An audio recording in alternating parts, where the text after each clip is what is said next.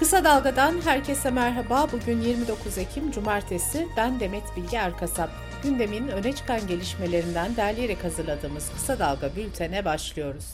Ankara Cumhuriyet Başsavcılığı, Türk Tabipleri Birliği Merkez Konseyi Başkanı Şebnem Korur Fincancı'nın tutuklanmasının ardından TTB'nin Merkez Konseyi Başkanlığı üyeleri ile Fincancı'nın görevlerine son verilmesi için davaname hazırladı. Cumhuriyet Savcısının kamuyu ilgilendiren ancak ceza davası niteliği taşımadığı için hukuk mahkemelerinde görülecek olan davayı açtığı belgeye davaname deniyor. Şebnem Korur Fincancı, TSK'nın kimyasal gaz kullandığı yönündeki iddiaların ardından yaptığı açıklama üzerine gözaltına alınmış ve tutuklanmıştı. Adalet Bakanı Bekir Bozdağ da Türk Tabipleri Birliği ile ilgili bir düzenleme hazırlığı içinde olduklarını açıklamıştı. Bartın'ın Amasra ilçesinde 41 işçinin yaşamını yitirdiği maden faciası ile ilgili yürütülen soruşturma kapsamında haklarında gözaltı kararı verilen 25 kişiden 24'ü gözaltına alındı. Şüpheliler arasında TTK Amasra Müessese Müdürü Cihat Özdemir, işletme müdürü, hazırlık şefi, sondaj şefi, kartiye şefleri, iş güvenliği mühendisi, kartiye mühendisi, personel müdürü ve aspiratör mühendisi de bulunuyor. Cumhurbaşkanı Recep Tayyip Erdoğan günlerdir duyurusu yapılan Türkiye Yüzyılı vizyon belgesini dün açıkladı. Erdoğan törenin yapılacağı Ankara Stadı önünde toplanan vatandaşlara seslenirken 7 ay içinde durmak yok, yola devam. Kimse bizi bölemeyecek, kimse bizim önümüze taş koyamayacak dedi.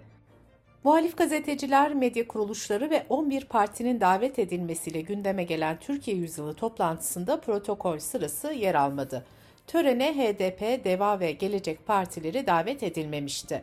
Erdoğan konuşmasında yeni anayasa vurgusu yaparken seçim tarihine kadar elbette milletimizle paylaşacağımız yeni projelerimiz olacaktır.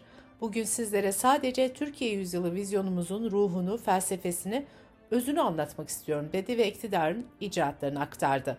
Erdoğan, başörtüsüyle ilgili düzenlemenin de haftaya meclise geleceğini söyledi.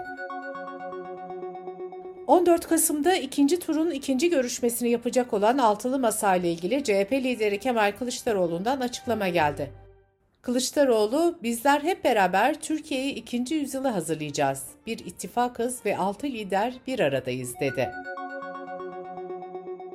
Avrupa Hastalık Önleme ve Kontrol Merkezi'nin önümüzdeki haftalarda baskın hale gelmesini beklediği Omikron BQ1 ilk kez Türkiye'de de tespit edildi. Yeni alt varyant olan BQ1'in bağışıklıktan kaçma potansiyeli çok yüksek. Bu nedenle de enfeksiyonlarda artış bekleniyor. Ancak bu yeni varyantın yol açtığı enfeksiyonun daha ağır seyredip seyretmediği konusunda henüz kesin veriler yok.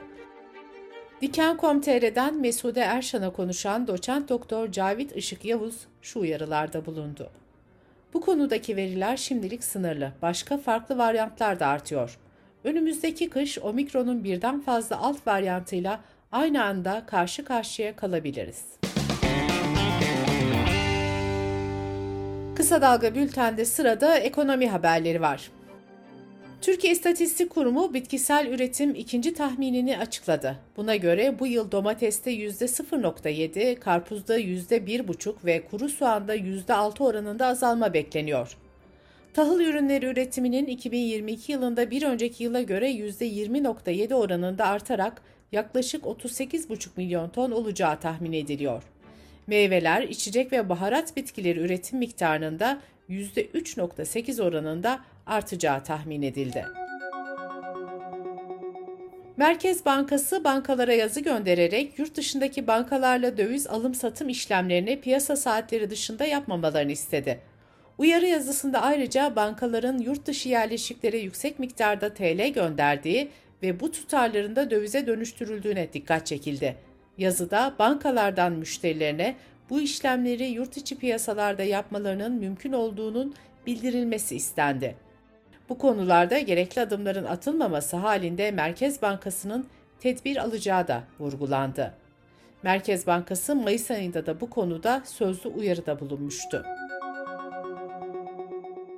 Meclis Genel Kurulu'nda görüşmeleri devam eden torba kanun teklifinin kur korumalı mevduat hesabı uygulamasının süresinin 31 Aralık 2023'e kadar uzatılmasını öngören maddeleri kabul edildi. Teklifin ayrıca pandemi yasaklarını ihlal edenlere kesilen idari para cezalarından vazgeçilmesini düzenleyen maddesi de meclisten geçti. Sanayi ve Teknoloji Bakanlığı tarafından hazırlanan yönetmeliğe göre yeni arabalarda acil durum şeritte tutma sistemi, alkol kilidi kurulum ön hazırlığı ve sürücü dalgınlık ve dikkat uyarı sistemi zorunluluğu olacak. Mevzuatın yürürlüğe gireceği tarih 7 Temmuz 2024 olarak belirlendi. Araçlara takılan alkol kilitleri belirli bir sınır aşan alkollü sürücülerin araç kullanmasını önleyerek trafik güvenliğini artırmaya amaçlıyor. Raporlara göre aşırı alkol Avrupa'daki tüm karayolu ölümlerinin yaklaşık %25'ine denk geliyor. Avrupa Birliği 2035'ten itibaren yeni benzinli ve dizel araçların satışını yasaklayacak bir düzenleme üzerinde anlaştı. Mutabık alınan düzenleme elektrikli araçlara geçişi hızlandırmayı ve iklim değişikliğiyle mücadele etmeyi amaçlıyor. AB ülkelerinin çevre bakanları Haziran ayı sonunda AB iklim hedeflerine ulaşmak için kapsamlı bir iklim koruma paketi üzerinde anlaşmıştı. Paris İklim Anlaşması'nda belirtilen 1,5 derece hedefine ulaşmak için Avrupa'da en geç 2028'den itibaren yeni dizel ve benzinli araçlara ruhsat verilmemesi gerekiyor. Dış politika ve dünyadan gelişmelerle bültenimize devam ediyoruz. Rusya Devlet Başkanı Putin'den tartışmalı açıklamalar gelmeye devam ediyor.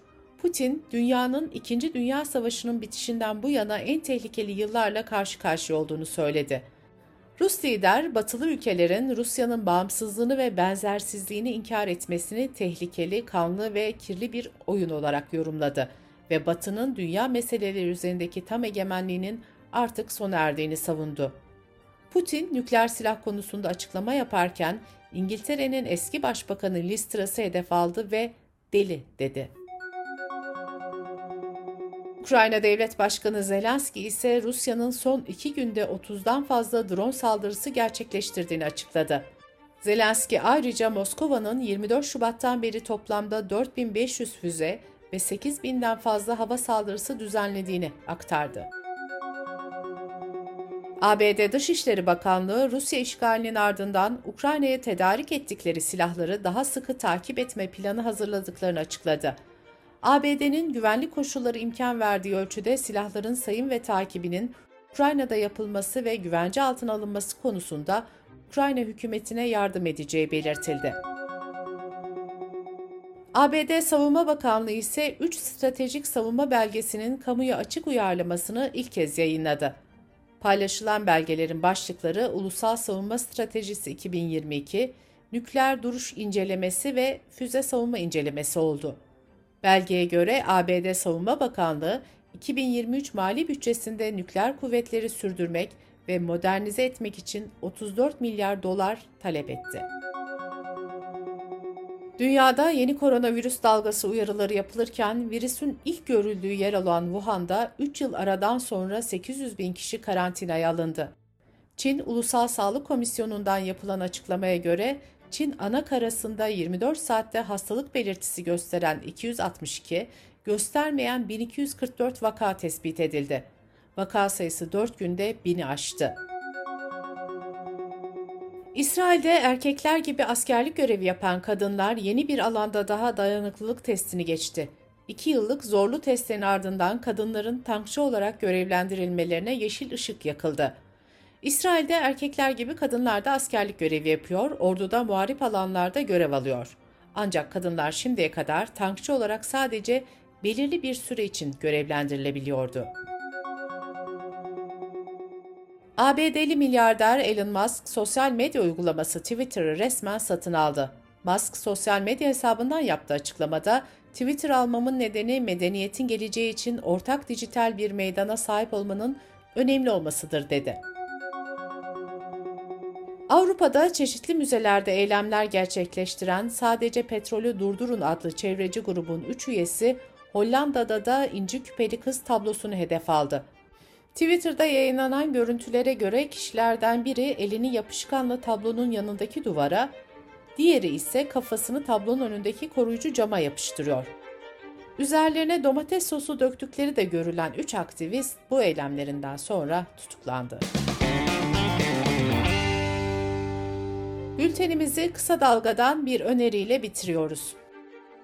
Emekli hakim, akademisyen Orhan Gazi Ertekin'le avukat Seda Alçınar'ın kaleme aldıkları Cellatlarım olabilirsiniz ama yargıçlarım asla kitabında yargının artık doğrudan infaz eden bir kurum haline geldiği belirtiliyor. Kısa Dalga yayın yönetmeni Kemal Göktaş, Orhan Gazi Ertekin'le yargının son durumunu ve kitaptaki tespitleri konuşuyor. Kemal Göktaş'ın söyleşisini kısa dalga.net adresimizden ve podcast platformlarından dinleyebilir, YouTube kanalımızdan izleyebilirsiniz. Gözünüz kulağınız bizde olsun. Kısa Dalga Medya.